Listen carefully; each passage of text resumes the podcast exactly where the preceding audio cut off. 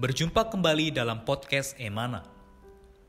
Renungan-renungan yang menguatkan iman ini diambil dari tulisan-tulisan saudara Watchmeni, seorang pelayan Tuhan yang sangat mengasihi Tuhan sampai akhir hidupnya. Semasa hidupnya, Tuhan memakai saudara Watchmeni untuk menyingkapkan banyak terang dan wahyu Alkitab. Di antaranya adalah mengenai salib, mengenai Kristus sebagai hayat, juga mengenai kesatuan tubuh Kristus. Kami berharap kehadiran podcast Renungan Emana, khususnya di masa pandemi virus hari ini, dapat menghibur dan menguatkan iman Anda. Podcast Renungan Emana dapat Anda dengarkan melalui aplikasi Emana dan Spotify. Anda dapat menghubungi kami pada nomor hotline Emana di 0851 5677 2397. Sekali lagi Anda dapat menghubungi kami pada nomor hotline Emana di 0851 5677 2397. Buku-buku saudara Watchmeni secara lengkap dapat Anda peroleh di toko buku Yasmerin, Tokopedia, Google Playbook, atau di website resmi yasmerin.com. Selamat menikmati seri renungan hari ini. Puji Tuhan, salam damai sejahtera saudara-saudari di dalam Tuhan, para pendengar podcast Emana. Kami bersuka cita kali ini bisa kembali melayani pada podcast Emana kali ini. Dengan saya, Saudara Adi Bagus, bersama rekan saya, Saudara Jeffrey, kami akan membahas satu topik yang berjudul Menjaga Damai Sejahtera Allah di dalam diri kita. Baik, ayat Alkitab diambil dari kitab Yohanes pasal 14 ayat 27. Damai sejahtera kutinggalkan bagimu, damai sejahtera ku kuberikan kepadamu. Dan apa yang kuberikan tidak seperti yang diberikan oleh dunia kepadamu. Amin. Kita akan segera kepada narasumber kita. Silakan Saudara Jeffrey untuk menyampaikan berkat berkatnya. Amin. Ya, puji Tuhan. Saudari yang dikasihi Tuhan, kita bersyukur bahwa Allah kita adalah Allah yang ingin membawa kita tetap tinggal di dalam damai sejahtera dengan dirinya ya. Amin. Jadi kehidupan orang Kristen normalnya adalah kehidupan yang penuh dengan damai sejahtera di dalam batin. Amin. Dalam judul ini dikatakan menjaga damai sejahtera Allah di dalam diri kita. Ya. ya. Mengapa kita perlu menjaga damai sejahtera Allah yang ada dalam diri kita? Kita tahu bahwa uh, ada satu oknum yang lain yaitu si iblis. Dia berusaha membuat kita kehilangan damai sejahtera ya. Oleh karena itu di dalam ayat firman ini dikatakan bahwa damai sejahtera kutinggalkan bagimu damai sejahtera kuberikan kepadamu dan apa yang kuberikan tidak seperti yang diberikan oleh dunia kepadamu. Amin. Ya, namun ketika kita melihat judul ini menjaga damai sejahtera ini bukan bukan karena usaha kita ya. Uh, kita lihat dulu di uh, waktu yang lalu bahwa menjaga, menjaga damai sejahtera ini tidak seperti pengajaran pertapaan ya. Yang di dalam Kolose pasal 2 itu ya yang Paulus singgung bahwa uh, jangan pegang ini, jangan kecap itu, jangan sentuh ini ya karena ada pengajaran pertapaan yang masuk di dalam uh, gereja yaitu di dalam uh, di tengah-tengah kaum beriman di Kolose ya. Nah, karena pengajaran pertapaan itu sebenarnya satu elemen lain dari sistem dunia ini. Nah, kelihatannya halus ya. Ya kita mungkin tahunya dunia mungkin seperti uh, pesta pora, kemabukan, diskotik dan lain-lain ya. Tetapi iblis ini bekerja juga sangat halus. Dia bisa melalui uh, pengajaran pertapaan yang agamawi ya. Nah, mengenai perkara ini kita nampak bahwa kita juga perlu berhati-hati ya. Namun kalau kita hanya lihat secara luaran, kita tidak begitu ada daya pembeda ya atau daya tamsis ya. Maka kita perlu nampak juga di Roma pasal 14 ayat 17 uh, Paulus sedikit memberikan bantuan kepada kita.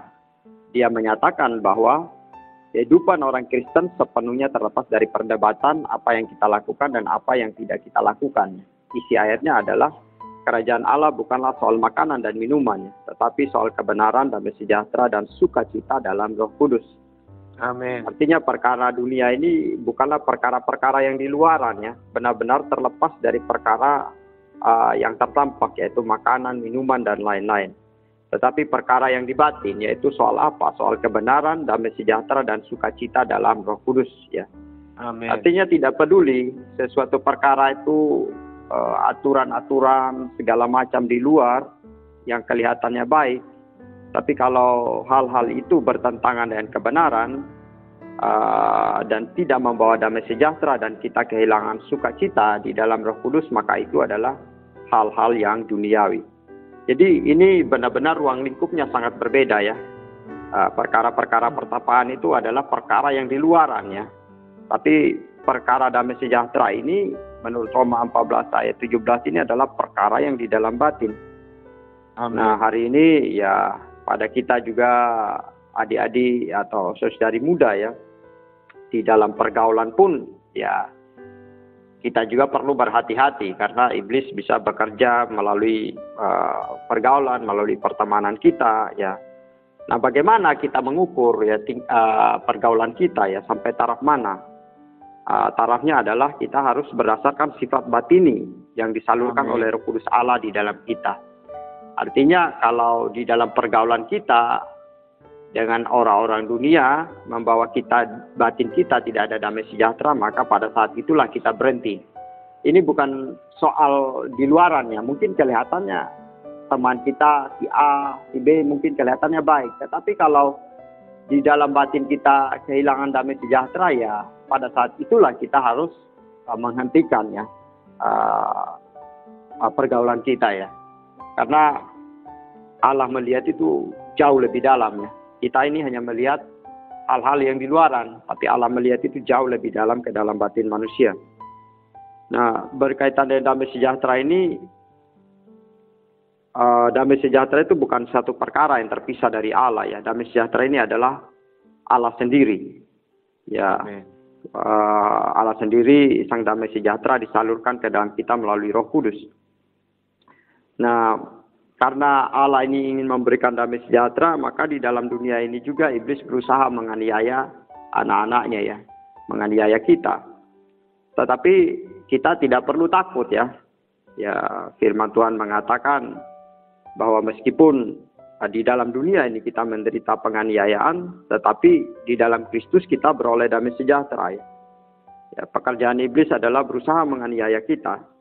Tapi pekerjaan Allah adalah memberikan damai sejahtera kita, eh, memberikan damai sejahtera ke dalam batin kita.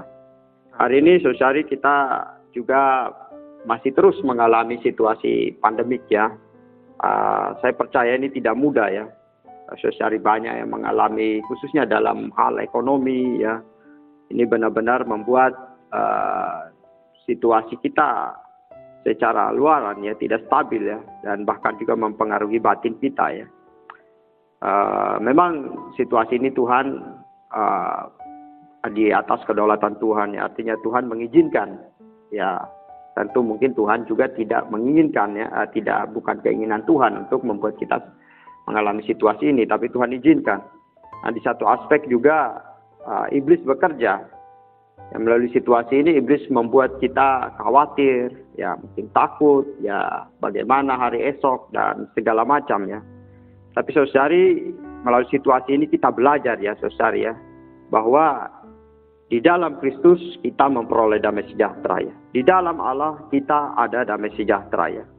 Yeah. Kita belajar bersandar kepada Dia ya, karena segala sesuatu yang kelihatan ini sifatnya sementara ya, tetapi di dalam Kristus inilah yang kekal.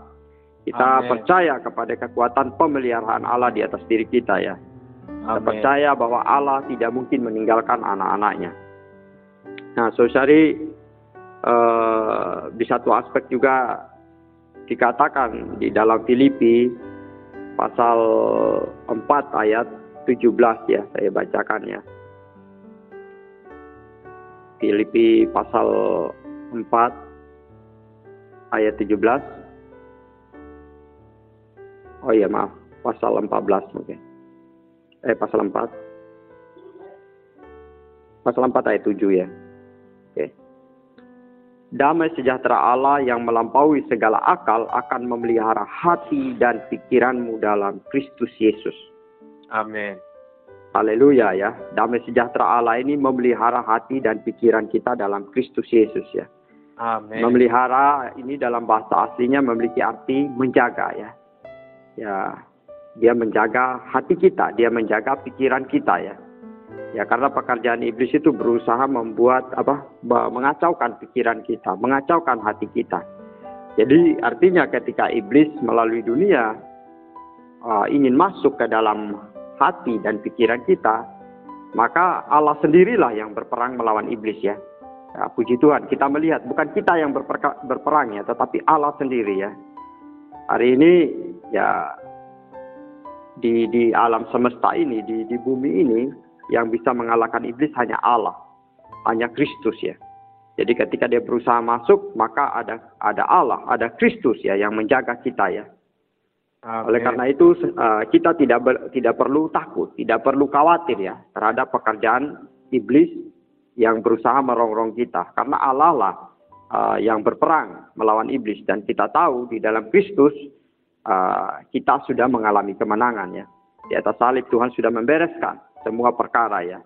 Oleh karena itu uh, hari ini porsi kita adalah hanya belajar hidup seturut damai sejahtera Allah yang sudah tinggal di dalam diri kita ya. Semakin situasi di luaran berusaha mengganggu kita, kita semakin tinggal di dalam Allah. Memiliki persekutuan yang lebih dalam dengan dia, yang lebih manis Amen. dengan dia. Sehingga kita dapat melampaui segala situasi yang di luar. Haleluya. Amin. Amin. Puji Tuhan.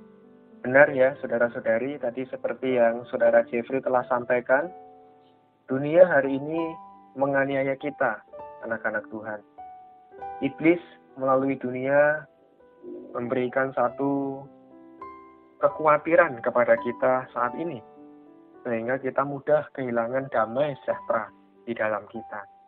Namun puji Tuhan, kiranya judul kita kali ini mengenai menjaga damai sejahtera Allah di dalam diri kita ini benar-benar menjadi satu sumber penghiburan Amen. khususnya bagi kita semua yang saat ini masih menghadapi masa pandemi. Tentu masa pandemi ini membuat banyak orang, juga orang Kristen khususnya, mengalami kekhawatiran. Amen. Saudara-saudari, kekhawatiran ini yang sangat kelihatan sekali pertama-tama tentu muncul melalui pikiran kita ya. Nah, pikiran kita mulai kacau, memikirkan bagaimana besok, yang mahasiswa memikirkan bagaimana masa depannya, yang belum bekerja memikirkan bagaimana beroleh pekerjaan yang baik di masa pandemi, yang sudah berkeluarga juga mungkin memikirkan bagaimana nih keluargaku, betul tidak, Saudara Jeffrey? Betul. Nah, kadangkala hal-hal ini membuat kita khawatir. Tentu kita harus memikirkan itu semua ya, sebab kita masih hidup di atas muka bumi, kita perlu eksis. Namun saudara-saudari, kalau itu semua menjadi satu kekhawatiran di dalam diri kita, oh maka kita perlu damai sejahtera Allah. Amen. Memelihara hati dan pikiran kita. Amen. Tadi suara Jeffrey menyinggung Filipi pasal 4 ayat 7 ya. Saya ingin bacakan sekali lagi, kemudian kita akan menutup podcast kita pada kali ini. Amin. Filipi pasal 4 ayat 7. Damai sejahtera Allah yang melampaui segala akal akan memelihara hati dan pikiranmu dalam Kristus Yesus. Amen. Puji Tuhan, tadi serah kita mengatakan damai sejahtera dalam bahasa aslinya adalah menjaga. Ini seperti seorang tentara ya, Amen. patroli yang mengelilingi, yang menjaga. Amen. Jadi damai sejahtera Allah itu menjaga hati kita, menjaga pikiran kita dari segala bentuk kekhawatiran. Amen. Dari penganiayaan iblis di dalam dunia ini. Amen. Puji Tuhan, semoga damai sejahtera Allah boleh menjaga kita, memelihara hati dan pikiran kita. Amin. Baik, untuk menutup podcast kita di dalam kasih, Saudara Jeffrey bisa mendoakan kita. Amin. Amin. Tuhan, kami mengucap syukur padamu Tuhan Ya. Oh, damai sejahtera Allah menjaga hati dan pikiran kami Tuhan. Melampaui segala situasi hari ini yang kami alami, yaitu terutama atas penganiayaan iblis, uh, pekerjaan penganiayaan iblis melalui dunia ya Tuhan. Ya. Tuhan Yesus, kami hanya perlu belajar bersandar padamu tinggal di Amin. dalammu, di dalam persekutuan yang manis dengan dikau, sehingga kami hari demi hari dapat menikmati damai sejahtera Allah. Oh. Tuhan Yesus, terima kasih. Di dalam namamu kami berdoa. Amin. Sekian podcast Renungan Emana hari ini. Kami akan kembali pada seri berikutnya. Anugerah dari Tuhan Yesus Kristus dan kasih Allah dan persekutuan Roh Kudus menyertai kita semua.